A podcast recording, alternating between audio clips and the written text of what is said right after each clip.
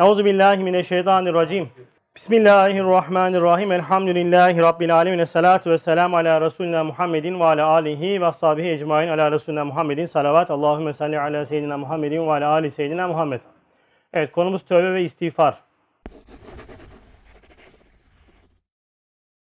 Bu mübarek gecede, bu duaların makbul olduğu gecede, tövbe ve istiğfarların kabul olduğu bir gecede, tövbe ve istiğfarın ne anlama geldiğini ve tövbe ve istiğfar ederken nelere dikkat etmemiz lazım olduğunu içeren bir ders.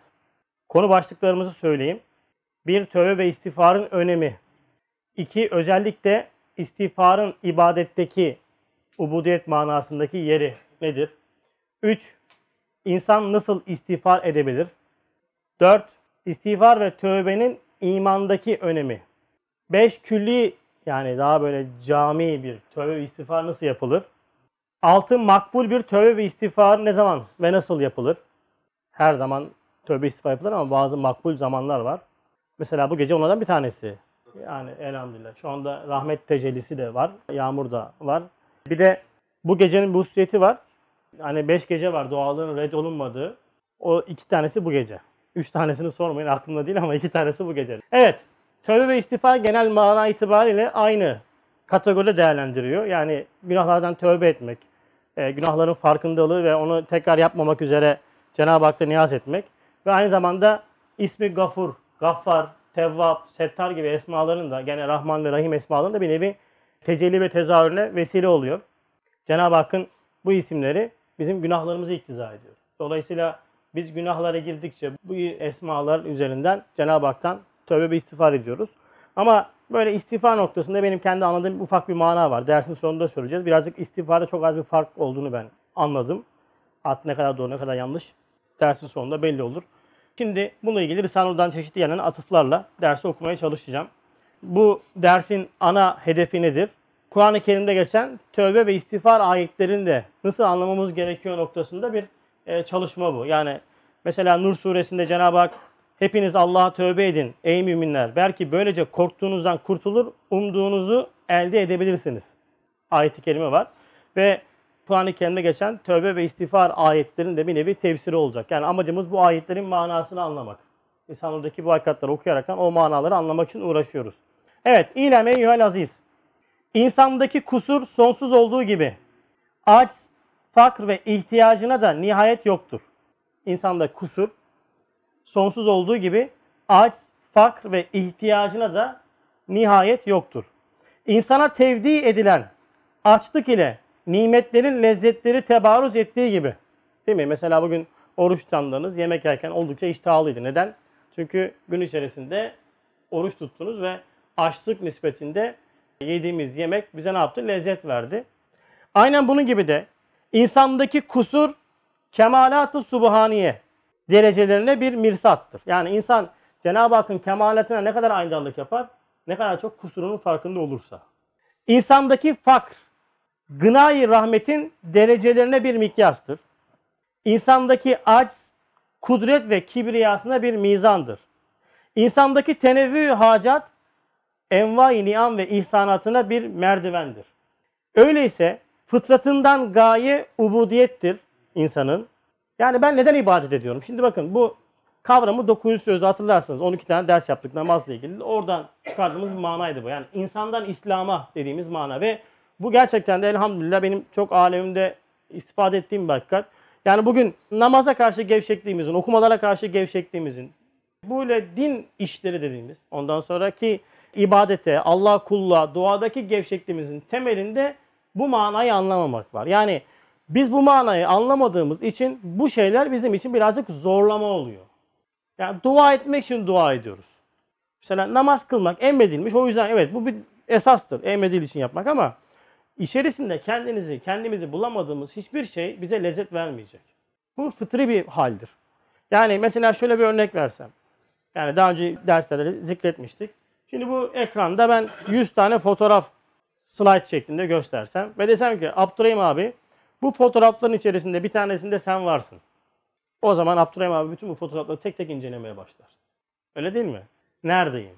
Aa çıktı çıkmadı, çıktı çıkmadı. Ne yaptı bak kendisini bulduğu şeyde ilgi ve alaka artmaya başlıyor. Mesela hiç izlemediğiniz haberleri haber bülteninde sizi çekmiştir. Oradan geçmişsinizdir. O ara kendinizi görmek için koca haber bültenini, inciğini, binciğini incelersiniz. Değil mi? Mesela adam bir dizide bizim Yusuf kardeş vardı eski dershanede. Bir dizide şey yapmış. Ne derler bu? Figüran. He, figüranlık yapmış. Ya geçmiş ha şöyle. Şöyle bir geçmiş yani o kadar.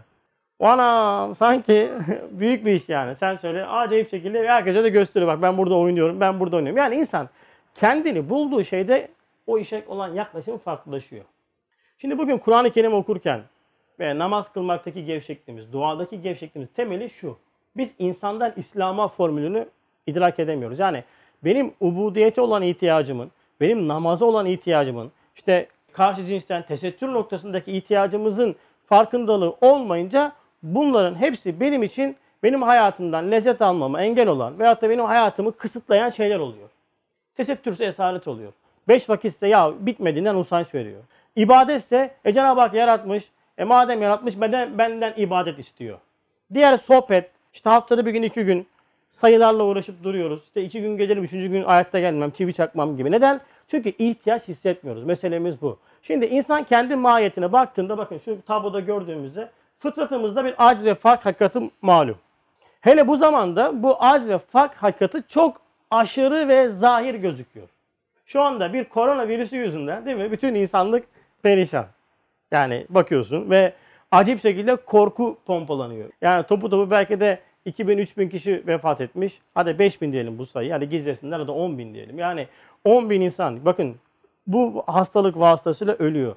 Günde 300 bin insan belki de ölüm hakikatiyle baş başa. Çok dar bir noktadaki bir korku bize hakiki manadaki korkuyu unutturuyor. Ve insanın acizi o kadar büyük ki bakın teknolojide devler sırasında, ekonomide devler sırasında olan ülkeler mikroskopla gözüken bir mikroba karşı ne yapıyor? Karşı koyamıyor. Ha işte ben bunun farkına vardığımda o zaman nedir?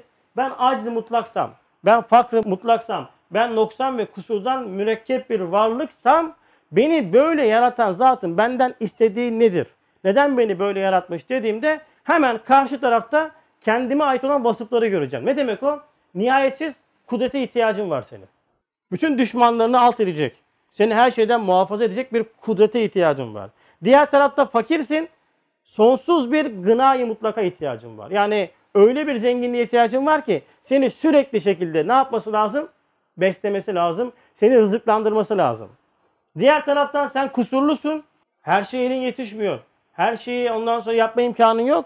Bu kusur sende Cenab-ı Hakk'ın kusursuzluğunu hani günde 150 defa Subhanallah diyerek zikrettiğimiz Cenab-ı Hakk'ı tanıma noktasında bir farkındalığı veriyor. Diğer tarafta sen noksansın. Niye peki ben noksanım? Çünkü kemali mutlak olan zata aynadarlık yapmak için benim ne yapmam lazım? Kendimdeki kusurla yüzleşmem lazım. O yüzden insanı iyi anlarsak, iyi analiz edersek oradan İslam'a yani din hakikatine geçmek çok kolay olacak. Eğer bunu beceremezsek ki beceremiyoruz o yüzden namazlarımız zorlama olacak. Tesettürümüz zorlama olacak. Duamız maalesef şekli olacak. İşte el atacağız. Klasik hep aynı şeyleri söyleyip söyleyip duracağız. İhtiyaç hissetmeyeceğiz. Hatta ve hatta o duadaki manayı anlamadığımız için sorduklarında ben yapıyorum. O iş bende hallederiz gibi içeri ciddi problem dolu cümleler, kelimeler ağzımızdan dökülmeye başlayacak. Evet. Yani benden istenen neymiş? Ubudiyetmiş. O yüzden ibadet değil abiler esas olan ubudiyettir. Peki ubudiyet nedir? Ubudiyet kelime manası olarak İhsan Nur'dan ibadet olarak kullanıyor bir de ibadet içerisindeki bir sırdan bize haber veriyor. Ubudiyet ise dergahı izzetinde kusurlarını estağfurullah ve subhanallah ile ilan etmektir. Farkındalıktır. Yani mahiyetinin farkındalığıdır. O yüzden Cenab-ı Hak demiş ya bir ehlullah hani demiş ben sana ya Rab nasıl vasıl olurum? O demiş ya hani bana bende olmayanlarla gel. Cenab-ı Hak'ta olmayan ne var? İşte bu sol taraftakiler var işte. Aciz var, fakir var, noksan var, kusur var. Bunların farkına var. Bunların hepsi sende var. Bunların farkındalığıyla bana yaklaş. O zaman işte hakiki manada böyle bir yaklaşım sergilemiş oluruz ki ibadetlerin temel prensibi bize bu dersi vermektir. Secdelerin temel hedefi bize bu dersi vermektir. Rükuların hedefi bu dersi vermektir. Fakat biz dedim ya insan fıtratını iyi analiz edemeyince bunun ihtiyaç noktası bize pek fazla belli olmuyor. O yüzden dualarımızda, ibadetlerimizde maalesef şekil ve sayı üzerine gidiyor. Şuur olmuyor. Mesela dua etme nimetinden çoğumuz mahrumuz. Mesela bir örnek vereyim. Hiç lamba açarken dua ettiniz mi? Lamba evde lambayı açıyorsun. Dua ettin mi Emin abi lambayı açarken hiç? Bismillah derim. Tamam evet Bismillah en azından bir adım 10 puan öndesin bizden yani. 10 puan öndesin ama yeterli mi değil yani. Değil. Ondan sonra oradaki lamba yakma fiilindeki dua edememizin sebebi şu. Biz o fiili ben lambaya basacağım, prize basacağım. O elektrik otomatikman gelecek. Sebep sonuçlar işliyor. O yüzden benim halika ihtiyacım yok şeklinde düşündüm. Bak ince düşündüğümüz zaman bütün hal ve hareketlerimiz Peygamber Efendimiz sallallahu aleyhi ve sellem bu manayı anladığı için hep dua etmiştir. Saç tararken, gömlek giyerken, ayakkabı giyerken, affedersiniz defi hacet yaparken, banyoya girerken, banyodan çıkınca, yürüyünce, eski elbiseyi çıkartınca bilmem ne sürekli dua halindedir. Çünkü neden? Efendimiz sallallahu aleyhi ve sellem her daim fiillerin Cenab-ı Hak'tan olduğunu farkındalığını yaşar. O yüzden yani bizden istenen ubudiyet manası, ubudiyet manası ibadet içindeki bu mahiyetimizi anlamak, bu sol tarafı anlamak yani. O yüzden hiçbir zaman kendimize güç, kuvvet, iktidar görmeyeceğiz. Görmememiz lazım çünkü hakikatte yok zaten. Fakat biz bununla yüzleşmekten birazcık çekiniyoruz. Hoşumuza gitmiyor. Kendimize güç görmek, kuvvet ben hallederim ulan masaya vurdum mu yumruğum falan filan gibi böyle ifadeler bizim nefsimizin hoşuna giden ifadeler ama maalesef boş. Hakikati yok. Evet. Peki istiğfarın önemi nereden kaynaklı?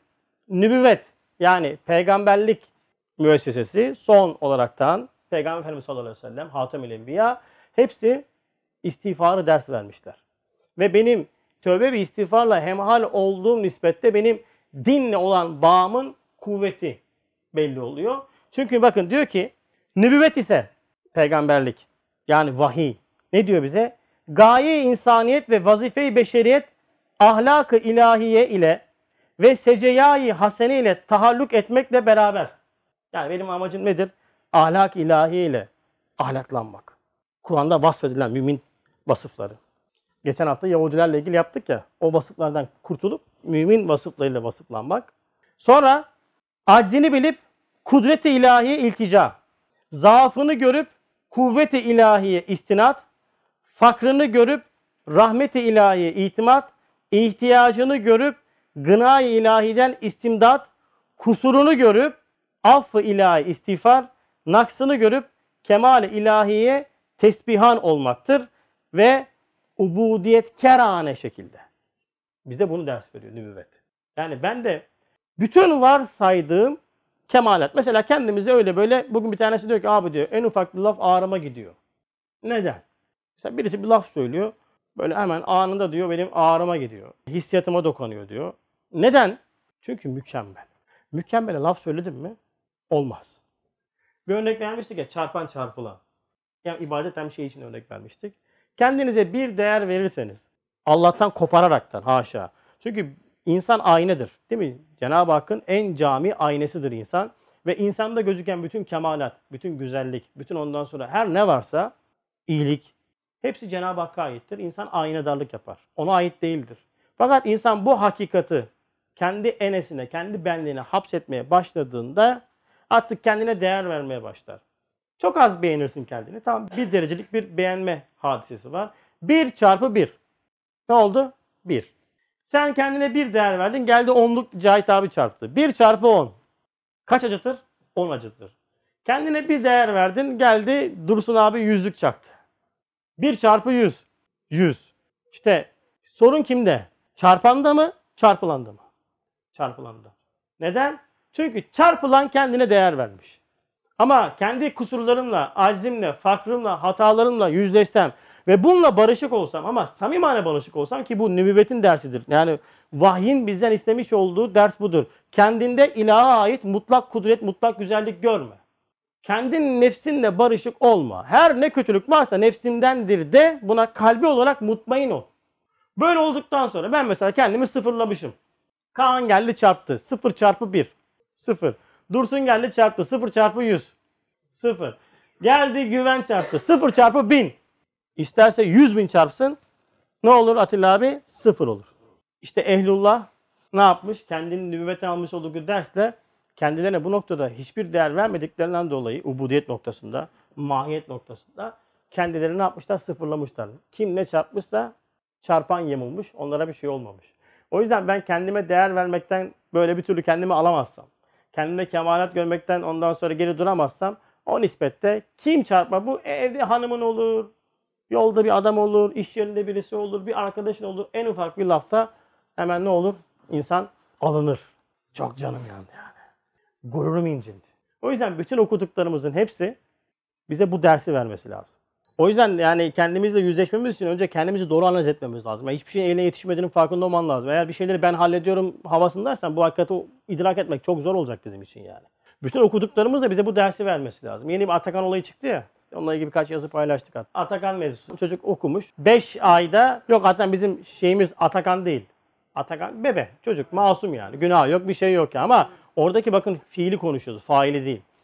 Giren bilgiler 5 ayda kaç kitap? 250 kitap. İşte daha çok felsefi kitaplar ve çocuğun alemine giren fikirler çocukta dış vurum olaraktan, hal ve hareket olaraktan ne olarak gözüküyor? Kibir, gururlanma, büyüklenme ve yaşından büyük hal ve hareket olarak gözüküyor. Doğru mu?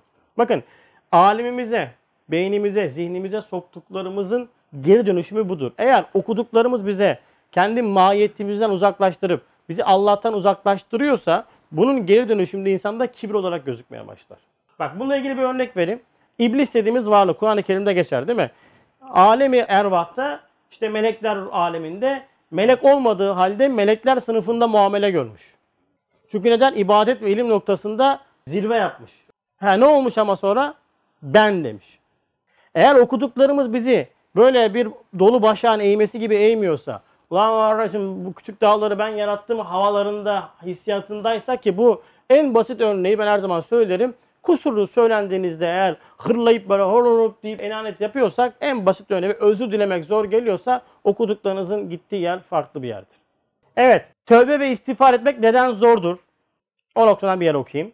İkinci nokta, şeytanın mühim bir desisesi. insana kusurunu itiraf ettirmemektir. Ta ki istiğfar ve istiaze yolunu kapasın.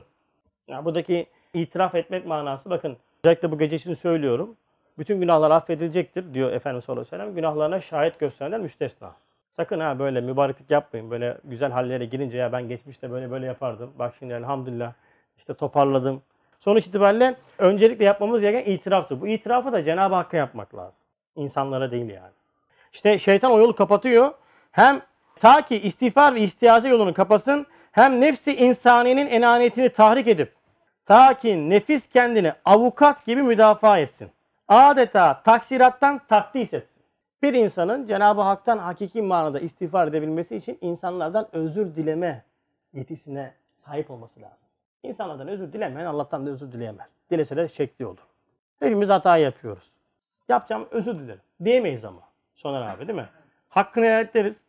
Kusura bakma deriz ama özür dilemeyiz. Özür dileyemezsin. Neden? Çünkü zordur yani. O kelam insandaki aciziyetin ifadesi ya karşı tarafta. Ne özür dileyeceğim ya? Yani hani değil mi? Özür dilemiyorum ben. Dileyemezsen bir kere Allah'ın yarattığı bir kuldan özür dilemek Allah'ın yarattığı bir kul sonuçta. Hata da yapabilir veya hata yapmış da olabilirsin. Bu senin aslında nefsine ne kadar düşman olduğunu göstergesi. Yani nefsi emmarene düşman olan kişi nefsi emmare hata yaptıktan sonra bunu direkt olarak kabul eder. Hata yaptım özür dilerim. Özür dilerim. Ama bunu öyle şey değil yani. Böyle bir de biz özürü şöyle kullanıyoruz. Bir, gelecek olan bütün o tenkitleri muhafaza etmek için. Abi özür dilerim. Tamam. Bir de bak özür diledim ben sana gördün mü? Bak özür diledim ben. Özür diledim işte. Özür dilemiyorsun sen ya. Özür dilerekten köşeye sıkıştırıyorsun. Yani böyle böyle boks maçlarında olur ya böyle köşe orada orada apakartları vurursun. Ha, özür dilerim de, diledim bak top sende şimdi tamam mı? Öyle değil kardeşim. Samimane. Özür dilerim. Çok zordur. O yüzden kusura bakma. Hakkını ver falan. Bunlar hepsi mübarek kelamlar. Bunlarla yürünmez yani. Özür dilerim diyeceğiz. Tam sonra abi. Evet. Şeytanı dinleyen bir nefis kusurunu görmek istemez. Görse de yüz tevil ile tevil ettirir. Nefsini seven, nefsinde ayıp görmez. Nefsinde ayıp görmeyen kişi nefsini sever. Peki en büyük düşman sevilir mi? Sevilmez. Nefsini seviyorsak demek ki en büyük düşmanımızı seviyoruz bir kere. Hata burada başlıyor. Nefsine nazar rıza ile baktığı için ayıbını görmez. Ayıbını görmediği için itiraf etmez, istiğfar etmez, istiaze etmez. Demek ki ayıp ve kusurumuzu görmemek ne yapıyormuş bize? İstiğfar yolunu kapatıyor. O yüzden nefsini itham eden kusurunu görür, kusurunu itiraf eden istiğfar eder, İstiğfar eden de istiaze eder, Allah'a sığınır. İstiaze eden de şeytanın şerrinden korunur. Yol bu. Yani iyi bir kulluk önce mahiyetin farkındalığıyla, acz, fark, noksan ve kusurun farkındalığıyla ondan sonra yaptıklarının, yaptığı çirkin işlerin farkındalığıyla ne yapar? Cenab-ı Hakk'a karşı tövbe ve istiğfar insanlara karşı da özür dileyerekten ne yapar? Kendini temizler. Evet. Peki istiğfar etmemekteki tehlike nedir? Mesela çok günah işliyoruz. Bir kere Cenab-ı Hakk'ın rahmeti geniş. Ne kadar günahımız olsa da emin olun kapı açık. Yani buna 100 bin tane de zina da olsa Allah muhafaza bunu yapın diye söylemiyoruz tabi de. Yani oldu da hatalarımız olmuştur, günahlarımız olmuştur. Cenab-ı Hak tövbe etme imkanı vermişse bilin ki beraberinde neyi vermiştir? Affı da vermiştir. Çünkü vermek istemeseydi istemek vermezdi. Değil mi sana tövbe istiğfar ettirdi? Demek ki senin tövbe istiğfarını kabul edecek. Değil mi sen Cenab-ı Hakk'a sığındın dedin ki ya Rabbi ben hata ettim, kusur ettim, bir sürü haltlar yedim. Ha, bundan sonra bunu yapmamaya hani cuma gecelerinde ya az mı cez mi kast eyledim diye böyle tekerleme suretinde söylenen hani bir daha dönmemek üzere dedin ve istiğfar ettin. Elhamdülillah emin olun ki Cenab-ı Hakk'ın rahmeti geniştir, affeder. Hiçbir şey sorun yok. Şüphe etmenize bile gerek yoktur biiznillah. Hele böyle makbul be gecelerde. Ama bunu ciddiye almayıp ya ne olacak canım hayata bir kere geldik ya. Ya hayatın lezzetini almaya bakmak lazım. Sonra tövbe ederim gibi kelamlarla meseleye yaklaştığımızda bakın. Emirde alakasında geçen bir cümle içerisinde çok kısır bir şey söylüyor. Diyor ki ona iman etmek, Cenab-ı Hakk'a iman etmek. Kur'an-ı Azimşan'ın ders verdiği gibi o Halık'ı sıfatları ile, isimleri ile umum kainatın şehadetine istinaden kalben tasdik etmek ve elçileriyle gönderdiği emirleri tanımak ve günah ve emre muhalefet ettiği vakit kalben tövbe ve nedamet etmek iledir. Bakın kalben, dille değil. Dil ile ikrar, kalben tasdik. Estağfurullah, estağfurullah deyip değil. Estağfurullah, estağfurullah ciddi tövbe etmek. Yoksa büyük günahları serbest işleyip, işte büyük günahlar, içkidir, kumardır, zinadır, işte vesaire vesaire bir sürü günahlar var ondan sonra. Bunları işleyip istiğfar etmemek, aldırmamak o imandan hissesi olmadığına delildir.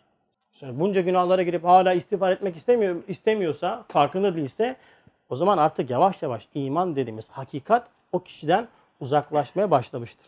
Allah muhafaza. Şimdi Eyüp Aleyhisselam'ın kısası anlatılıyor değil mi bize? Kur'an-ı Kerim'de. Ama biz artık bu işin formülünü öğrendik. Biz Kur'an-ı Kerim'de Eyüp Aleyhisselam'ın kısasını okurken Eyüp Aleyhisselam'ı okumuyoruz. Değil mi? Bendeki Eyüp Aleyhisselam'ı okuyorduk ve Eyüp Aleyhisselam'ın kısası içerisinde bana verilen mesaja muhatap oluyorduk. Orada ne diyor? Hazreti Eyüp Aleyhisselam'ın zahiri yara hastalıkları mukabil bizim batını ve ruhi ve kalbi hastalıklarımız vardır. İç dışa, dış içe bir çevrilsek Hazreti Eyüp'ten daha ziyade yaralı ve hastalıklı görüneceğiz. Çünkü işlediğimiz her bir günah, kafamıza giren her bir şüphe kalbe ve ruhumuza yaralar açar. Kalbe ve ruha yara açıyor. Bizim maneviyat merkezimize. Eyüp Aleyhisselam'ın yaraları kısacık hayatı dünyevisini tehdit ediyordu. Bizim manevi yaralarımız pek uzun olan hayatı ebediyemizi ne yapıyor? Tehdit ediyor. Eyüp Aleyhisselam yaralı belediye yaşasa kaç sene yaşayacaktı? 200 sene, 300 sene misal eski zaman olsun. 200-300 sene sonra hayat bitecek. Ondan sonra ebedi hayatı kurtuluyor. Bizim ebedi hayatımız mahvoluyor. İç dışa dış içe bir çevrilsek fakat bu asıl insanı dışla uğraşır. Değil mi? Saçlarım, sakalım, kılığım, kıyafetim. Sonra hep dışla uğraşıyoruz. Ama dikkat ederseniz adetullah kanununa göre hep iç esastır. Karpuzun kabuğunu yemezseniz içini yersiniz. Değil mi? İçi tatlıdır. Karpuzun içinin de içi vardır. Göbek kısmı. Özellikle karpuzu kesenler ne yapar? O kısmı hemen hop diye bir alır. Hemen ağzına atar. Neden? Karpuzun içi lezzetlidir. Karpuzun içinin içi lezzetlidir. Soğanın kabuğunu yemezseniz soğanın kendisini yersiniz. Bir de soğanın içinin içi vardır. Cücük derler değil mi ona? O daha lezzetlidir. Bakın her şeyin içi makbuldür. İçtir esas olan. Şimdi aynen onun gibi de şimdi benim biz genelde dışa bakarız. Yani saç sakal işte yakışıklılık, kas, işte madde esastır hayatımızda. Ama din noktaya nazarında dış görünüşün pek bir önemi yoktur. Ayette zaten geçiyor bu manada şey. Şimdi biz içimizi göremiyoruz. Yani aynaya baktığımızda Cenab-ı Hak bize mahiyetimizi günahlarla beraber, işte dünyevileşmeyle beraber vaziyetimizi böyle suratımızı bir gösterse ayna karşısında belki de o böyle an ö- övünerek baktığımız, aşık olduğumuz o ayna karşısındaki varlıktan tiksiniriz. Allah muhafaza. Çünkü neden? Öyle günahları sürekli bir şekilde işliyoruz ki hatta bazı günlük küçük günahları o kadar çok sık şekilde farkında olmadan artık günah e, potasına sokmadan o kadar çok işliyoruz ki yavaş yavaş kararmaya başlıyoruz yani. Şimdi bu kararma nasıl belli olacak? Bak diyor ki o münacatı Eyyubiye'ye yani Rabbi nimesini dur ve enterhamur rahimin bu duaya o hazretten bin defa daha ziyade muhtacız. O yüzden bu duayı yaparken ben manevi yaralarımın farkına vararak yapacağım. Nasıl ki Eyüp Aleyhisselam bu duayı yapmış, Cenab-ı Hak ona şifa et, ihsan etmiş. Ben de manevi yaralarımın, özellikle bu gecede, bu mübarek gecede manevi yaralarımın farkına varıp bu duayı yaparsam Hazreti Eyüp gibi, Eyüp vari yaparsam o zaman da ben de manevi yaralardan ne olacağım? Halas olacağım. Basus nasıl ki o Hazretin yaralarından neşet eden kurtlar kalp ve lisanla ilişmişler. Eyüp Aleyhisselam'ın kalbine ve lisanına ilişmişler. Peki bende bu nasıl gözükecek? Öyle de bizleri günahlardan gelen yaralar ve yaralardan hasıl olan vesveseler, şüpheler. Neuzu billah. Mahalle iman olan batını kalbe ilişip imanı zedeler. İmanın zedelendiği nasıl belli olur Cahit abi? İmanın tercümanı olan lisanın zevki ruhanisine ilişip zikirden nefret kenane uzaklaştırarak susturuyorlar. Okuyamazsın, derse gelemezsin, gelsen gözlerini tutamazsın. Normalde işte cin gibi olan adam değil mi? Derste bakıyorsun. Geliyor yorgun. Eyvallah tamam hayatı içtimai içindedir vesaire. Bir şey diyemiyoruz ama bir yerde problem var yani bu hakikat.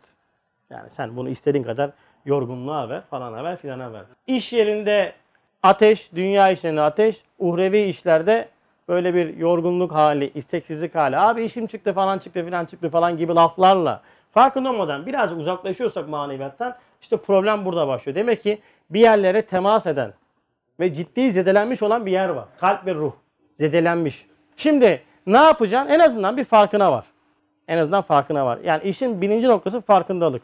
Fakat bu farkındalık noktası bize birazcık düşük. Tamam mı? Neden? Mesela tansiyon çıkınca hemen ne yaparız? Doktora başvururuz. Doğru mu? Kalbinizde sorun olsa ne yaparsınız? Recep abi. Kalbinde sorun var Recep abi. Mesela ama maddi kalbinde sorun var. Ne yaparsın? Kardiyolojiye gidersin. Peki pratisyene gider misin?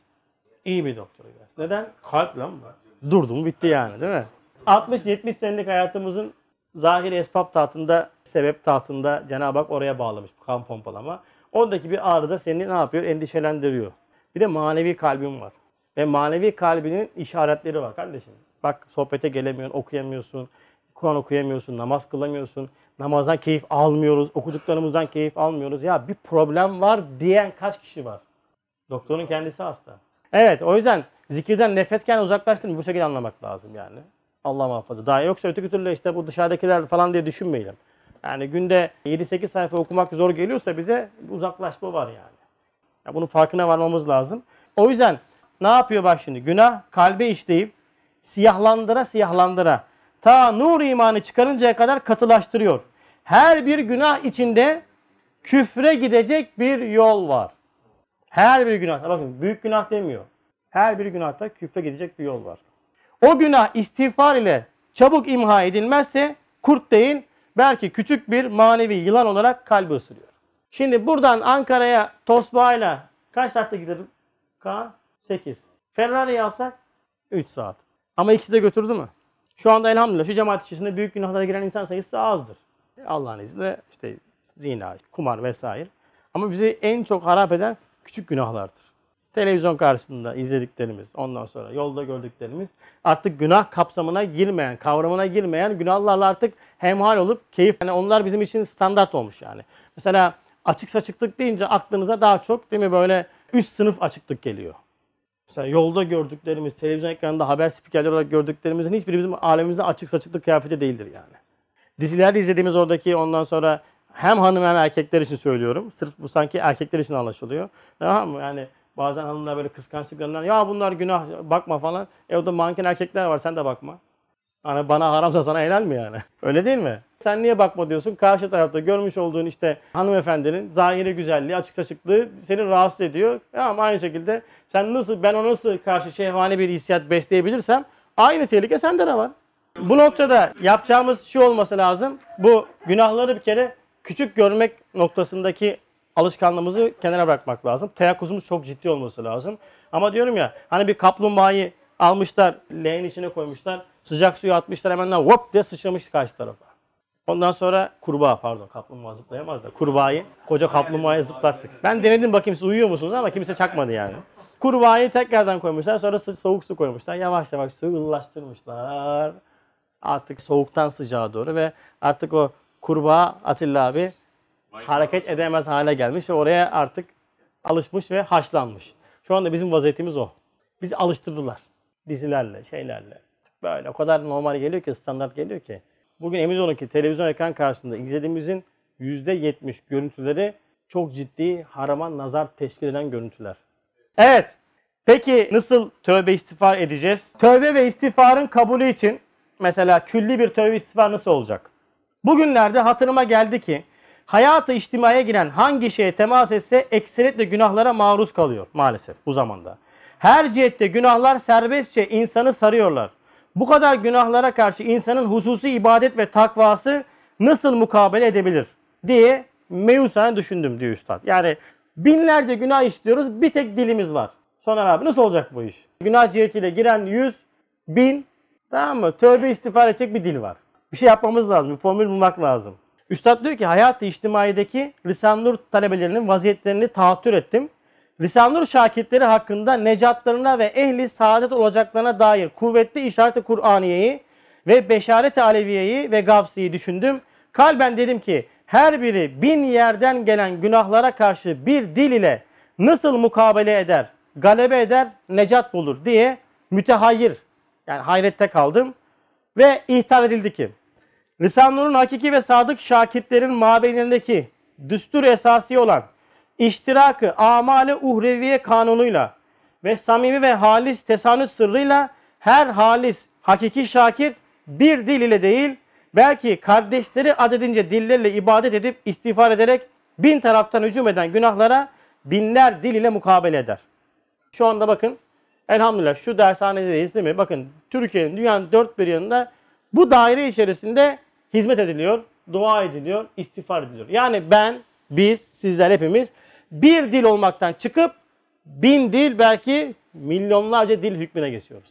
Ve Risale-i Nur cemaatinin bir hususiyeti tesbihatı ne yaparız? Bir dua ederiz değil mi? Ve talebete Resali Nur. Ben mesela Sıddık'ın sadık kavramını kullanmıyorum. Üstad öyle bir kavram açmış. Çünkü ben kendim sadık olmadığım dolayı duadan kendimi geri çıkartmamak için, atmamak için ne yapıyorum? O kapıyı da açık bırakıyorum. Dost, talebe, kardeş. Hepimiz bu daire içerisindeyiz. Bir dilken bin dil oluyoruz. Bugün buradasınız ya. Alemi gayb açılsa, Risale-i Nur'un şahs-ı manevisinden, cemaatin şahs-ı manevisinden gelen feyiz ve bereketi görseniz, bugün ben size burada ama sabahlayacağız ama bakın gitmeyin dememe gerek kalmaz. Bir Allah'ın kulu dışarı çıkmaz. Bir melek 40 bin dille zikrediyor hadiste diyor. İnsan bir dile nasıl 40 bin zikredecek? Cemaat olarak işte. Bu sırf bizim cemaate münasır değildir yalnız. Bunu da bilin. Şu anda değil mi? Ehl-i Sünnet vel Cemaat itikadındaki birçok cemaat hizmet programları var, sohbet programları var. O sohbet programları içinde kimse oraya dahil olarak birlikten binliğe, bir olmaktan bin olmaya çıkıyorsun. O yüzden cemaatle hareket etmek bu zamanda çok önemlidir. Ama gel gelelim bu FETÖ mese- meselesi yüzünden artık cemaat kavramı da sanki terör örgütü gibi alınmaya başlandı. Ha PKK demiş, ha cemaat demiş. Öyle şuursuzlar var. Kardeşim cemaat dediğimiz şey topluluktur işte. Biz bir cemaatiz. Cami bir cemaattir değil mi? Allah anılmış olduğu yerler bir cem olmaktır. Yani birçok insanın bir araya gelmesidir. O yüzden böyle yerlerde biz bir dil olmaktan çıkıp bin dil, binlerce dil hükmüne geçiyoruz ve bugün tövbe istiğfarımız çok büyük külli oluyor. Elhamdülillah. Yani o yüzden Rabbim böyle yerden ayırmasın bizi. Çünkü böyle yerlerden ayırmakla şeytan önce seni kenara çeker, ayırır. Ondan sonra tek başına kaldığında da aşağı indirir. Ama cem olursak Ömer abi gelmezse ben Ömer abi ararım. Ömer abi beni arar.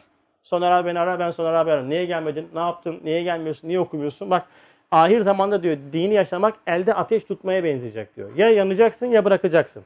Ya tutacaksın yanacak ya da bırakacaksın. Elde ateş tutulur nasıl tutulur? Ben tutuyorum. Yandım. Ben Mehmet abi veriyorum. O ona veriyor. O ona veriyor. Bak elden bırakmadan o hakikat elden ele dolaşmaya başlıyor. Öteki türlü tek başımıza kaldığımızda game over oluruz. Allah muhafaza. Evet peki nasıl tövbe istiğfar edeceğiz? İki noktayı okuyacağım. Üstad yağmursuzlukla ilgili bir yer var Emirdağ'da. Diyor ki yağmursuzluk bir musibettir. Ceza yağmal bir azaptır. Başımıza gelen her şey yaptığımızın neticesidir abiler. Bunu bilin. Bir şeyler karıştırmışızdır, bir hata yapmışızdır. Bir hatta bir makam verilecektir. O makama göre bir muameleye tabi tutuluyoruzdur. Buna karşı ne yapacağız? Ağlamakla, hüzün ve kederle, niyaz ve hazinane yalvarmakla ve pek ciddi nedamet ve tövbe ve istiğfar ile karşılamak, sünnet-i seniye dairesinde bidalar karışmadan şeriatın tayin ettiği tarzda dergah-ı ilahi iltica etmek, dua ve o hale mahsus ubudiyetle mukabele etmektir. Demek ki yapmış olduğum tövbe ve istiğfar nasıl olacak? Günahın cinsinden olacak. Elin tozlandığı zaman suyla yıkıyorsun temizleniyor. Doğru mu? Elin çamurlandığı zaman sabun kullanıyorsun. Elin boyalandığı zaman, yalandığı zaman tiner kullanıyorsun vesaire. Yani kir arttıkça yaptığın muameleyi değiştirmek zorundasın.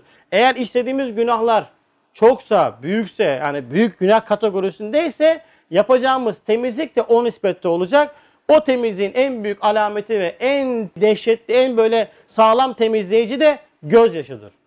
Yani tövbe ve istiğfarda Allah'ın izniyle biraz da ağlayabilsek, samimane Cenab-ı Hakk'a dua ederek de insanlar içinde değil de böyle huzur böyle yani kendi başınıza kaldığınızda çünkü ağlayanlardan çok çektik biz.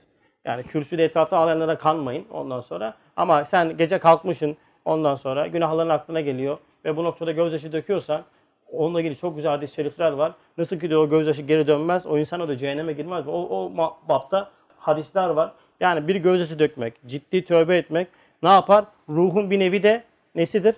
Abdestlidir yani. O yüzden çok ciddi tövbe istiğfar etmemiz lazım. Çünkü neden? E çok büyük günahlara giriyoruz. Çünkü küçük günahlar büyüyor alemimizde. Peki öyle bir vakit istemiştik ya. Hangi vakitte o vakit? İşte bu gece o vakitlerden bir tanesiydi. Bir de farkında olmadan atladığımız bir vakit var bizim. Seher vakitleri. Teheccüd. Gecenin üçte biri. Çok duanın makbul olduğu ve duaların reddolunmadığı zamanlı dilimlerden bir tanesi. Üstad bununla ilgili 18. sözün sonunda güzel bir şiir tarzında beyti var. Diyor ki, Seherlerde eser bağdı tecelli. Uyan ey gözlerim vakti seherde. İnayet ha zidergahı ilahi. Cenab-ı Hakk'ın dergahında inayet işte tövbe et. Seherdir ehli zembin tövbegahı. Ben çok günahkarım. Kardeşim günahkarsan o zaman seherde uyumayacaksın. Öyle mi? Seher vakitlerine uyumayacağız. Tabi seher vaktinde uyumayacağım diye kalkıp da sabah namazı kaçırmayın ha. O da ayrı mesele. Hep söylüyorum bunu. Teheccüde kalkıp sabah namazı kaçırırsanız yani 100 bin tane teheccüd kılsanız bir tane sabah namazı yetmez yani. Ama seher vakti nedir bakın? Ehli zemmin tövbegahı. Uyan ey kalbim vakti fecirde. Bikun tövbe bicu gufran zidergah ile ilahi. Cenab-ı Hak'tan tövbe et, istiğfar et ve Cenab-ı Hakk'a yalvar. Her gece vakti bu zaman dilimi mevcuttur. Kalkamıyoruz değil mi? Sebep günahlarımızın ağırlığıdır. Maalesef. Günahlarımızın ağırlığının farkında varıp ciddi bir niyetle vakti saatine yatabilirsek o saatte kalkıp şöyle bir iki rekat namaz, iki on iki rekat arasında değişen teheccüd namazı sayısı var. Ama istenilen mesele şu. Yani bizden istenen samimiyetle hatalarımızın farkında ya Rabbi ben hata işledim, günah işledim diyerekten gözyaşı dökmektir. Allah bu saatlerin kadro kıymetini bilmeyi nasip etsin inşallah. Peki istiğfarın dünyevi faydası nedir dedik. Onu da söyleyelim. Hadis-i şerifte buyuruyor ki Peygamber Efendimiz bir kimse istiğfarı dilinden düşürmezse Allah ona her darlıktan bir çıkış, her üzüntüden bir kurtuluş yolu gösterir ve ona beklemediği yerden rızık verir. Rızkınız zayıfsa, rızıklandırılmak istiyorsanız en azından dünyevi fayda olarak istiğfar edin kardeşim. Tövbe ve istiğfar arasındaki fark nedir acaba abi? Sorunun sonu bitti. Bu şöyle anladım ben bu manayı. Bakın günahlarımın farkına vardığım nispette tövbelerim mahiyetimin yani acizimin, fakrımın, kusurumun ve noksanlığımın farkına vardığım ve bu nispette Allah'ı tanıdığım nispette de istiğfarım çok olur. Çünkü bakın bunu nereden çıkardım manayı? Efendimiz sallallahu aleyhi ve sellem bir hadiste 70 bir hadiste 100 defa ben Allah'a istiğfar ediyorum. Peki Peygamberimiz günah var mı? Yok. İsmet sıfatına mahfuz, mahfuz ondan sonra. Peygamber. Peki neden istiğfar ediyor? Bir önceki haliyle sonraki hali arasındaki Efendimiz sürekli terakkide manevi olaraktan ve Cenab-ı Hakk'ı sürekli tanıdığından dolayı bir önceki tanıma haliyle sonraki tanıma hali arasında noksanlık olduğundan dolayı istiğfar ediyor Peygamber Efendimiz. Yoksa günahından dolayı değil. Ben de kendi acizimi, fakrımı, kusurumu bildiğim anda istiğfar çoğalacak. Günahlarımın farkına vardığım anda tövbem ne olacak? Çoğalacak. Cenab-ı Hak bu mübarek gece hürmetine tövbelerimizi, istiğfarlarımızı kabul eylesin. Umum Risale-i Talebe'nin yapmış olduğu hizmetleri, dualara bizi hissedar eylesin. Bizlere ihsan etmiş olduğu duaların, ibadetlerin, sohbetlerin feyzinden onları hissedar eylesin. Dünyanın dört bir yanında zulüm çeken, sıkıntı çeken Müslüman kardeşlerimize yardım eylesin. Özellikle Doğu'da, Suriye'deki çatışan askerlerimiz var. Rabbim onların da yardımcısı olsun. El Fatiha ma salavat.